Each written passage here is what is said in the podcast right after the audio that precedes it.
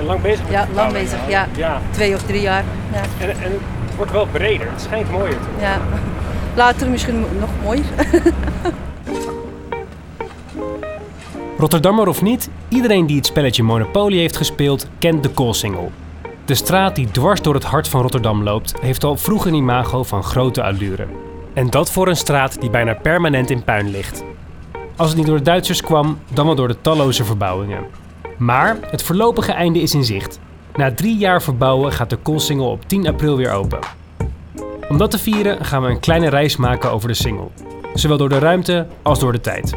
Ik spreek Rotterdammers van nu Rotterdam is altijd de stad geweest, en dat, eh, wat ik over historie lees, altijd de stad geweest van maak van de nood een deugd. en toen. Beste leden van Feyenoord, dames en heren. Het spreekt vanzelf dat woorden ontbreken om uit te drukken wat de gevoelens van Rotterdam zijn. Ik ben Tom Hofland en je luistert naar een podcast van het Stadsarchief Rotterdam. Ik ga naar de Koolsingel om een beetje de geluiden op te nemen die je daar zowel hoort, zodat jullie daar een impressie van krijgen. Maar als ik er ben, is het eigenlijk betrekkelijk stil.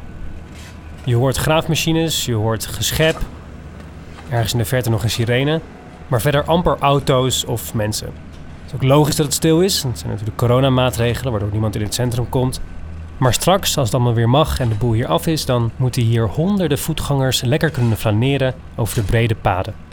Ik ken de Koolsingel alleen als een verkeersader, maar in het stadsarchief kwam ik een aanzichtkaart tegen van rond het jaar 1900.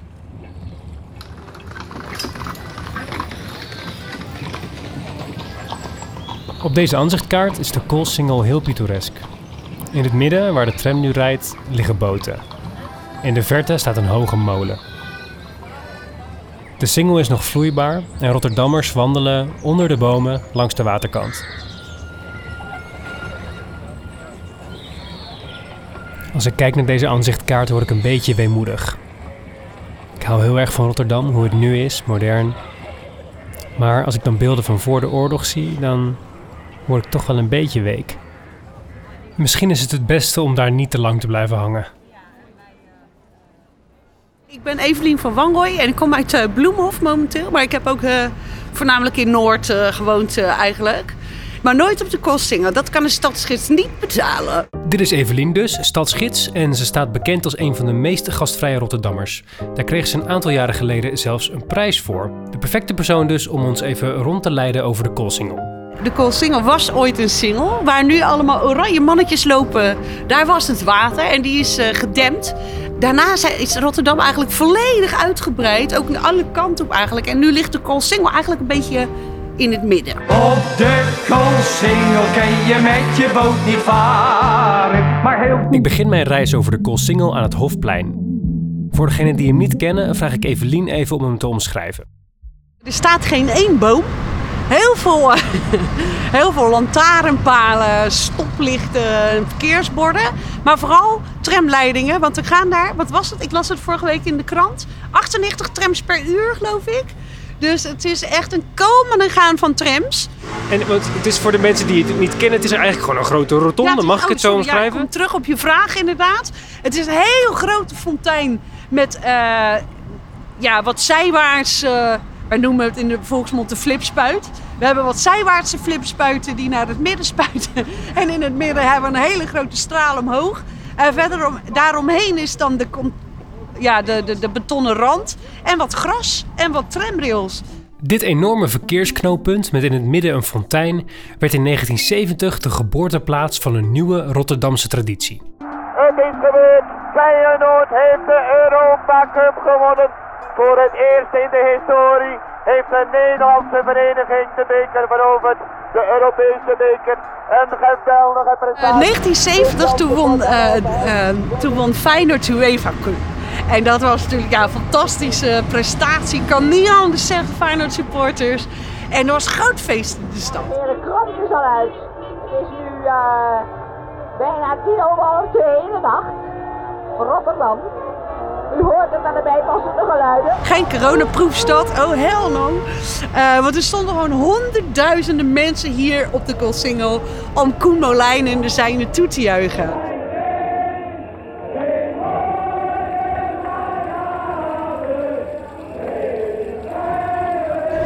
er was niemand in de Hofpleinfontein. Terwijl dat best toch wel een aantal vierkante meter is. Het enige is dat je dan tot ongeveer tot op je enkels in het water staat. Niemand ging daarin. Maar er was wel een supporter en die duwde een agent in het water. En iedereen hield zijn adem in. Oh, joh, wat gaat hij doen? Wat gaat er gebeuren? Weet je, toen was men nog heel bang voor de politie. Eh, maar die agent, waarschijnlijk zelf ook gewoon een Feyenoord supporter, die begon op zijn beurt.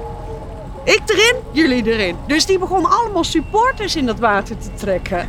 Ja, die supporters die dachten, ja, oké, jullie willen ons erin gooien, dan gaat het hele korps erin. Nou, lang verhaal kort. Binnen de kortste keren werd ook de Hofpleinfontein gebruikt om een feestje te vieren. En die traditie, die vieren we dus nog steeds. Die mevrouw komt uit Utrecht, ik kom uit Apeldoorn, maar wij zijn een harde nieren vandaag, Rotterdammers hoor. Proost! Beste leden van Feyenoord, dames en heren. Je hoort de toenmalige burgemeester Wim Thomassen die het publiek en de spelers warm onthaalt. U hebt iets gezien dat u van uw leven nog nooit heeft gezien en dat geen enkele Rotterdammer ooit heeft gezien. En het is zeer de vraag of zich dit ooit zal herhalen. Ik zal beginnen met u een kleine grap te vertellen. U moet eens kijken naar die statistiek, gaat u een beetje weg. Dan moet u eens kijken wat er gisteravond in Rotterdam is gebeurd. Daar begint de wedstrijd. Dat is het waterverbruik. Iedereen houdt zijn adem in. Wacht even, wacht even. Daar komt de pauze. Dan gaat moeder gaat thee zetten en alle mannen gaan naar de wc. Kijk maar, dat is die pikkelhoog. Kijk. En dan weer naar beneden. En verder, verder. Dan komt de verlenging. Dan gebeurt dat weer. Dat is het einde van de wedstrijd. Doe maar, zakken. En daar hebt u de eerste verlenging. En verder, en daar heb u het einde. En dan gaat iedereen nog een keer naar de wc en daarna gaat hij feest vieren. Als je nou die statistiek omkeert, dan is het het statistiek van het bierverbruik. Dat kunt u zich wel voorstellen. Nou, De Hofpleinfontein werd in 1955 opgeleverd en heeft veel feestelijkheden meegemaakt. Toch staan er nog genoeg gebouwen op de Singel die ook moeilijke momenten hebben gekend. Het stadhuis bijvoorbeeld, waarover straks meer, maar ook de beurs tegenover de Bijenkorf heeft het niet altijd makkelijk gehad.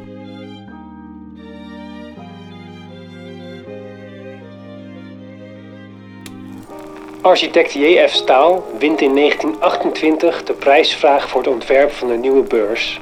In 1935 gaat de eerste paal de grond in, maar op 8 april 1940, een maand voor de eerste beursdag, overlijdt Staal. Hij heeft zijn gebouw dus nooit geopend gezien. Maar er is hem in zekere zin ook een hoop spanning bespaard gebleven. De beurs opende zijn deuren op 9 mei 1940. Vijf dagen later slaat het noodlot toe.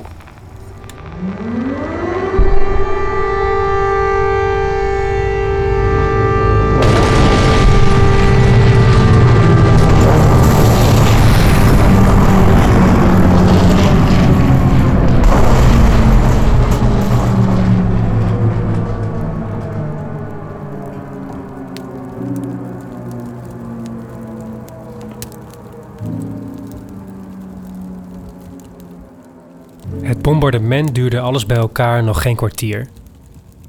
Door de grote branden die ontstaan, blijft er bijna niks van het centrum over. Christian Korevaar werkt op het moment van de bombardementen in de Bijenkorf. Die stond niet tegenover de beurs, waar die nu staat, maar helemaal aan het einde van de huidige Koolsingel, waar nu het Churchillplein ligt. Het legendarische gebouw van architect Dudok werd tijdens het bombardement voor twee derde verwoest. Het werd weer opgebouwd en gebruikt tot de gemeente in 1960 besloot dat er een nieuwe verkeersader moest komen. Maar we blijven nog even in 1940. Christian werkt als beveiliger in de Bijenkorf zodra het bombardement begint. Hij is dan 27 jaar oud. Nou, het bombardement begint en de zon die schijnt fel. En op dat moment, er vallen dan bommen natuurlijk, je hoort er geboem en ineens gaat het licht uit. En het eh, eigenaardige was, het eerste wat we deden, was naar boven gaan. Dat wil zeggen één trap oplopen. Ja, zo stoer waren wij. Een, ik had een bijl, een bijl om me heen hangen. Die had ik toch gekregen. En zo'n helm van papier maché. Ja, anders kan ik het niet noemen. Je kon er wel op tikken, ja, er kwam niks eruit. Die hadden ze een, geen militaire helm. Die dat ding was wit. Zo'n raar ding. En eh, dat had je op hoofd. Als je wat op hoofd had, dan een steen of zo, daar was het voor. Want de mensen wisten toch in Rotterdam die, of in Nederland die hoe een oorlog er vaak uitzag. Het moest, dus wij gingen een trap op en ik sta aan de voorzijde tussen de etalagepop heen. Nou, wij zagen gewoon de brandbommen, ik wist ik veel dat brandbommen waren, maar achter het gebouw, zo door de etage heen zakken, zo. Zodra het bombardement begint, vluchten veel mensen naar de Bijenkorf in de hoop dat ze in de grote kelder daar een plek kunnen vinden. Toen dat bombardement begon, hè, en ik moet je je voorstellen, dat is een ijzeren branddeuren zijn dat in zo'n gebouwen. Op die buitendeur waar het publiek niet binnenkomt, personeel binnenkomt. En er allerlei zo'n ijzeren ketting op zitten. Dus dan kon die deur, dat was voor s'nachts zo'n stukje open. En je kent dat wel hè.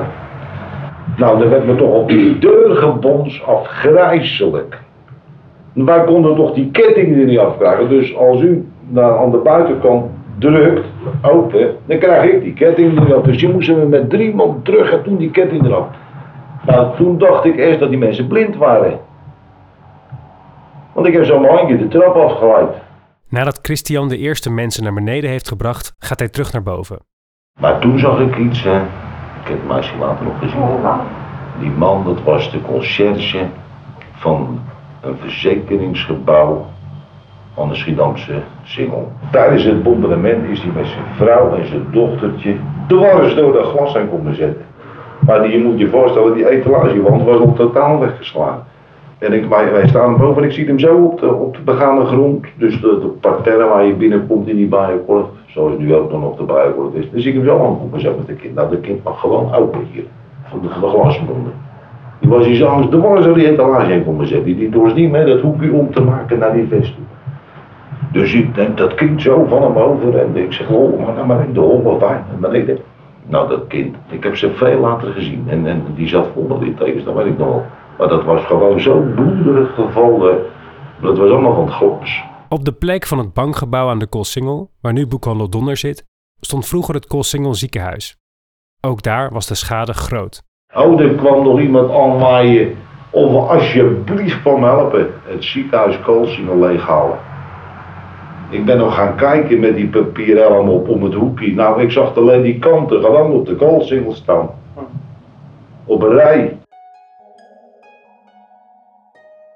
Als ik Evelien vraag naar het bombardement, haalt ze een mapje uit haar tas tevoorschijn met daarin twee foto's. De foto boven is in ieder geval een hele drukke, volgebouwde uh, stad. En je kunt uh, heel goed heel veel daken zien. En zelfs op plekken waarvan je denkt van... hé, hey, daar zou dan toch de tuin moeten zijn. Daar zijn ook weer helemaal volgebouwd met daken. Het is overal daken, daken, daken. Heel erg volle stad. En dan, ja, de foto uit 1946 totaal tegenovergestelde van dat. Het is één grote kale vlakte. De foto is op dezelfde plek genomen, zie je? Ja, de foto is exact op dezelfde plek genomen. Eigenlijk uh, heel goed de Koolsingel uh, als centrum. En je ziet bij de foto uh, een aantal gebouwen overeind blijven staan in 1946, waaronder het, het postkantoor, het stadhuis en beursgebouw, Erasmushuis, Atlante Hotel. Laurenskerk en de Willem de Koning Academie. Oh, een Hotel Centraal met het Luxor uh, Theater. Het zijn echt een paar ja, gebouwen overeind uh, gebleven. Ze, er wordt mij altijd gevraagd: hebben de Duitsers dat met opzet gedaan? Want het is verdomd handig om een politiebureau te hebben, een stadhuis, een postkantoor, een beursgebouw en hey, een hotel. Het is wel precies wat de Duitsers nodig hadden. Ze hebben altijd aangegeven dat ze er alles aan hebben gedaan om de Laurenskerk uh, te bewaren, te besparen. Dat hebben de Duitsers hebben dat aangegeven? Ja, ja, de rest van de stad is eigenlijk per toeval gered. En bijvoorbeeld het beursgebouw waar we net waren heeft zeven voltreffers gehad. En toch hebben ze dat nog uh, opgebouwd. Hadden de Rotterdammers het gevoel dat dit ging gebeuren? Was het al duidelijk? Weet jij hoe wat de aanloop hiervan ja, was? Dat, uh, daar, dat, daar heb ik veel over gehoord. Want iedereen zegt eigenlijk hetzelfde. Ja, niemand had het in de gaten wat er aan de hand was. Wat er zelfs gebeurde op de eerste dagen van de Tweede Wereldoorlog uh, gingen mensen bij de gevechten kijken bij de Maasbrugge, waar onze stoere mariniers dus de stad verdedigden. En die namen een fles melk mee, boterhammen, stoelen. En die gingen daar lekker op de Maasboulevard zitten kijken naar de gevechten. Nee, Nederland had totaal geen idee. Mensen waren zo bezig met de gewone dingen van het leven. Dat eigenlijk het besef van, oh, het is oorlog en het centrum van Rotterdam bestaat niet meer. Dat zal in de loop van de dagen daarna pas gekomen zijn. Maar zelfs tijdens het bombardement hadden mensen niet in de gaten van, oh, dit is oorlog. Terwijl Evelien me dit zo vertelt, kan ik me bijna niet voorstellen dat de Rotterdammers er zo naïef tegenover stonden. Maar dit interview uit het archief met een ooggetuige bevestigt wat zij zegt. Wat weet u uit de oorlog hier? Weet u daar nog iets van, wat u meegemaakt hebt? Wat moet ik dan vertellen? Nou, over het bombardement zei, wist u daar iets van? Ja, maar natuurlijk. Nou, vertel eens een Ik stukje. volle verstand. Ik was geen kind. Nee, nee. Dus nou ja, Waar was u toen het gebeurde? ik was eh, in het noorden, in het oude noorden. Daar waren we naartoe gevlucht. Mijn vrouw die is in het water gesprongen. Want die werd ingesloten door het vuur. En eh, toen ben ik nog s'avonds, ik ben nog eh, gewoon de stad ingegaan. De andere dag ook nog wezen kijken, want het is niet direct gebeurd, dit bombardement. Het was wel het vuur dat heeft een hoop verwoest. Er waren straten bij die vier dagen daarna nog eh, in brand vlogen. Want wij gingen geregeld kijken. Lag ook dode mensen natuurlijk op straat, dat is logisch. En ik heb nog het eh, Luxor stond in brand, heb ik gezien. Atlanta. Dat, nou ja, ik liep helemaal in de stad. Ik ging alleen maar kijken. Want wij beseften niet hoe erg of dat was. Het. Wat zijn uw eh, persoonlijke herinneringen aan het bombardement? eh, toen het Nou, uitbrak? Nou, ik wist niet wat het was. We stonden er soms om te lachen, we wisten niet wat het was. Je weet niet wat de oorlog is. Nou weet je het. Ik weet het. De jeugd weet het niet meer.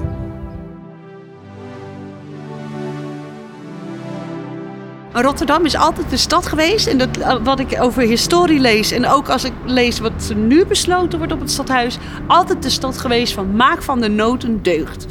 En het is het moment geweest dat ze dachten: oké, dit is verschrikkelijk, dit is schuwelijk. We zijn tussen de 800 en 900 mensenlevens kwijt. Maar dit biedt ook kansen voor de toekomst. We gaan de stad opnieuw bouwen. En dat hebben ze al vier dagen na het bombardement. En de stad brandde toen nog weken. Vier dagen daarna, dus 18 mei 1940, zijn ze begonnen met de wederopbouwplannen. In al die jaren daarna is Rotterdam als een wereldstad herbouwd. Maar sommige gebouwen, bijvoorbeeld op de Koolsingel, dragen de sporen van de oorlog nog met zich mee. We staan, waar staan we nu nog een We staan tussen het stadhuis en het postkantoor. In het postkantoor zitten ook een heleboel kogelgaten als je goed kijkt. Ik zie het ja. Nou, deze kogelgaten van het stadhuis moeten er altijd in blijven zitten. Eh, burgemeester Abu Talib, die overigens eh, een kantoortje heeft. eh, hier aan de, aan de kant van het eh, postkantoor. Nou, tussen die twee mooie beelden? Ja, precies. Die eh, heeft gezegd dat de kogelgaten moeten er altijd in blijven zitten. Want vrede is niet vanzelfsprekend. Inmiddels is Rotterdam uitgegroeid tot het toonbeeld van een moderne stad. Alleen die koolsingel, die heeft zijn draai nog niet altijd helemaal kunnen vinden. Het was heel lang vooral een drukke verkeersader in het centrum van de stad.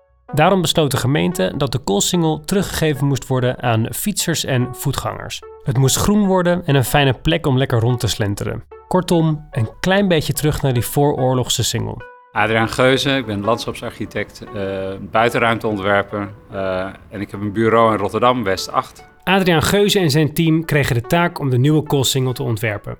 Maar hoe begin je aan zoiets? Nou, wij, zijn, eh, wij hebben een ontwerpstudio met eh, 70 mensen. Dus wat je dan doet, dat je een clubje maakt van een man of 5, 6. En eh, gaat schetsen en brainstormen, foto's maken, eh, naar de locatie gaan. En wij hebben ook een, eh, toen een webcam gebruikt. Dus we hebben een webcam op de Bijenkorf eh, gemonteerd. En een op de McDonald's bij de Meent, oversteekpunt Meent. Om te kijken wat het gedrag van mensen is. En Wat zie je dan zo? Nou, we zagen daar dat, dat er enorm gevaarlijke situaties waren bij oversteken. En dat eh, dat, dat bijna permanent gebeurde. Dus er te veel verkeer, files stond altijd op het kruispunt. En dan gaat het licht op groen, gaan mensen oversteken en lopen tussen de auto's door. Agressief gedrag van automobilisten naar voetgangers, dat zag je. Uiteindelijk komt er een plan. Er komen twee autobanen in plaats van vier en de gewonnen ruimte wordt teruggegeven aan de fietsers en voetgangers. Er komt veel extra groen en de brede promenade wordt prachtig betegeld met gekleurde stenen. Los van dat het natuurlijk een gigantische tragedie is en, en vreselijk voor de mensen die erbij betrokken waren en voor de stad. Zo'n hele stad is plat gebombardeerd. Het is op een gegeven moment opgeruimd, er staat niks meer. Is dat niet stiekem een beetje de droom van elke architect? Nou, ik zit niet zo in elkaar, want ik ben eh, eh, zeg maar als stedenbouwkundige ben ik heel erg eh, van. Ik ben heel van mening dat het in, in, voor mooie steden draait om het weefsel van de stad. En ik vind het dus heel dubieus om een, eh, een, stad, een geheugen te, eh, weg te halen. En dat is, dat is best wel uitzonderlijk dat dat is gebeurd. Want bijvoorbeeld in steden als Hamburg is dat niet gebeurd. Hamburg is veel erger gebombardeerd dan Rotterdam. En is eigenlijk eh, ja, herbouwd. De helft van de oude, oude gebouwen zijn teruggebouwd. De andere helft nieuw gebouwd. Maar het weefsel is niet veranderd. Stel, je was architect geweest in 1940, dan had je er wel een ander idee over gehad. Je kan je nooit verplaatsen in die tijd, omdat er toen andere vragen waren. Maar ik ben wel van mening dat je, eh, als je de oude Rotterdam ziet, nou, dat, dat is, dat is eh, verpletterend. dus dat, is, dat moet je vergelijken met eh, de binnenstad van Dordrecht of Haarlem of Venetië of Amsterdam. Dat is de oude gracht van Utrecht. Dat ga je niet zeg maar herzien. Dat is heel merkwaardig. Dan heb je iets niet begrepen. Die ideeën over, over de, het behouden van de, van de oude stijl, hou je dat in gedachten bij zo'n project als de Single? Ja, bij ons op het bureau, als wij aan projecten werken, is het eh, denken over de context en de culturele legacy, de geschiedenis, essentieel. Ja, het werken in Rotterdam is natuurlijk, daar zitten natuurlijk meer lagen aan. Rotterdam heeft ook een eh, krankzinnige eh, identiteit door de rivier. En de haven, wat een, dat is niet te geloven. En de, en de Maas die nog, nog gewoon nog een extra meander maakt in Rotterdam. Weet je, zo leuk is het in Rotterdam dat de rivier nog een slinger maakt. Nou, ik, zat, ik weet het nog tot in mijn studententijd altijd met mijn neus tegen de ruit. Wat een entree naar de stad was dat. En ja, ik herinner me ook dat de goederentreinen door het centrum reden. Doedoem, doedoem, doedoem, doedoem, doedoem, in de nacht. Ik ben ontzettend eh, op eh, Rotterdam vanwege het sentiment. Dus ik vind de Rotterdammers echt de leukste eh, mensen op aarde. Weet je, je komt in deze stad. 56% of zo- 60% van alle Rotterdammers zijn immigranten. Maar de code is, als je in Rotterdam woont, dan krijg je meteen een paspoort. Je bent Rotterdammer. Dus dat is Rotterdam. Hè? Dus het is niet alleen maar de, de oude stad of zo, een soort mijmeren over wat er niet meer is. Mij lijkt het nogal wat om de opdracht te krijgen om de Koolsingel te herzien. Adriaan is natuurlijk een ervaren architect, maar ik vroeg hem toch of hij daar niet wel een klein beetje zenuwachtig van werd. Ja, dat is wel de voorkant van de stad. Daar is zomercarnaval. eh, als Feyenoord wint staan we hier op balkon. Ehm, ja, hier, moet het gebeuren, de marathon. Eh, dit, eh, hier wordt getrouwd. Dit is, dit is het... moet kijken hoe mooi het hier is voor het stadhuis. Dat is echt een collectieve plek. Dus eh, men heeft enorme eh, eh, focus op dat project. Ik zou hier toch wel een beetje spanning van krijgen. Nee, dat heb ik niet. Nee, je bent je heel erg bewust. Dit is een project in de politieke, maatschappelijke spotlight. Dus je moet het heel netjes doen als proces. En dan is het zo dat wij als bureau, wij hebben een zeer kleine rol. Dus eigenlijk heeft de gemeente, de gemeente Rotterdam, de stad moet gezellig worden, die City Lounge bedacht. Ik voel me zeer eh, vereerd dat je me interviewt, maar ik ben maar een van de poppetjes die die Koolsingel aan het maken is. Met de oplevering van de nieuwe Koolsingel begint de straat aan een nieuw leven. En hoewel de blik hier altijd op de toekomst gericht is, is die toekomst ook wel duidelijk verankerd in het verleden. Ook voor Adriaan. Eh, Ik herinner me uit mijn jeugd dat Feyenoord eh, de Europa Cup won. Dus dan, en wat doe je dan eh, als vader? Ga je met je kinderen naar de Koolsingel. Dus ik heb hier op de Koolsingel gestaan. Ik, ik kan me niet herinneren hoor. Dat, maar ik weet wel dat ik er was. Maar niet herinneren waar we stonden of wat, dat weet ik niet meer. Was te klein. Maar die foto's van die eh, supporters in de lantaarns van het stadhuis. Dus aan links en rechts van de stadhuistrap staan twee Art Deco lantaarns.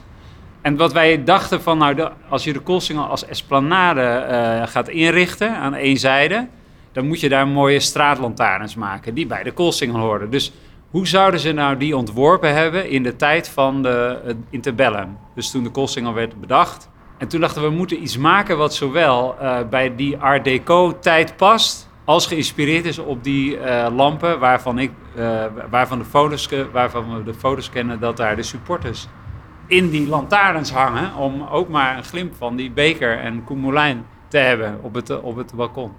Vorige week was hier een, ehm, zeer intensieve media-ronde met het AD. Dus ik moest exact net als wat jij nu om tien uur hier zijn. En om 11 uur hadden zij een, eh, de Feyenoord supporters eh, uitgenodigd. De supportersvereniging. Die kwam hier met een man of tien. En nou, die liep hier in volledige uitdossing met vlaggen en sjalen. Dus ik ben nog niet klaar met het interview. Zij komen, er zit een, kleine overlap. En ik zeg, nou ja, om je de waarheid te zeggen, wij hebben die lampen, daar die staan nu overal. Nou, dat wisten ze niet. En kan je daarin klimmen dan? Ik zeg, ja, dan kan je inklimmen. We hebben ze uitgerekend dat je er met z'n zessen in kan en dan gaat die nog niet stuk. Zij zeggen, joh, plut op, dat kan niet. Toen zei ik van, nou, dan zal ik laten zien dat het wel kan. Geef maar je vlag en je sjaal en dan klim ik. Toen zijn we de, ik ben daar, dus daar gewoon in mijn eentje in die lamp geklommen. En, eh nou, De zij, lamp tegenover het stadhuis? ja, toen kwamen er allemaal eh, Rotterdammers. stonden er inmiddels een 20, 30 Rotterdammers omheen. Die gingen ook allemaal met uitdossingen. Toen kwamen de boa's. En zo, wat doe je in die lamp? Koor eens uit.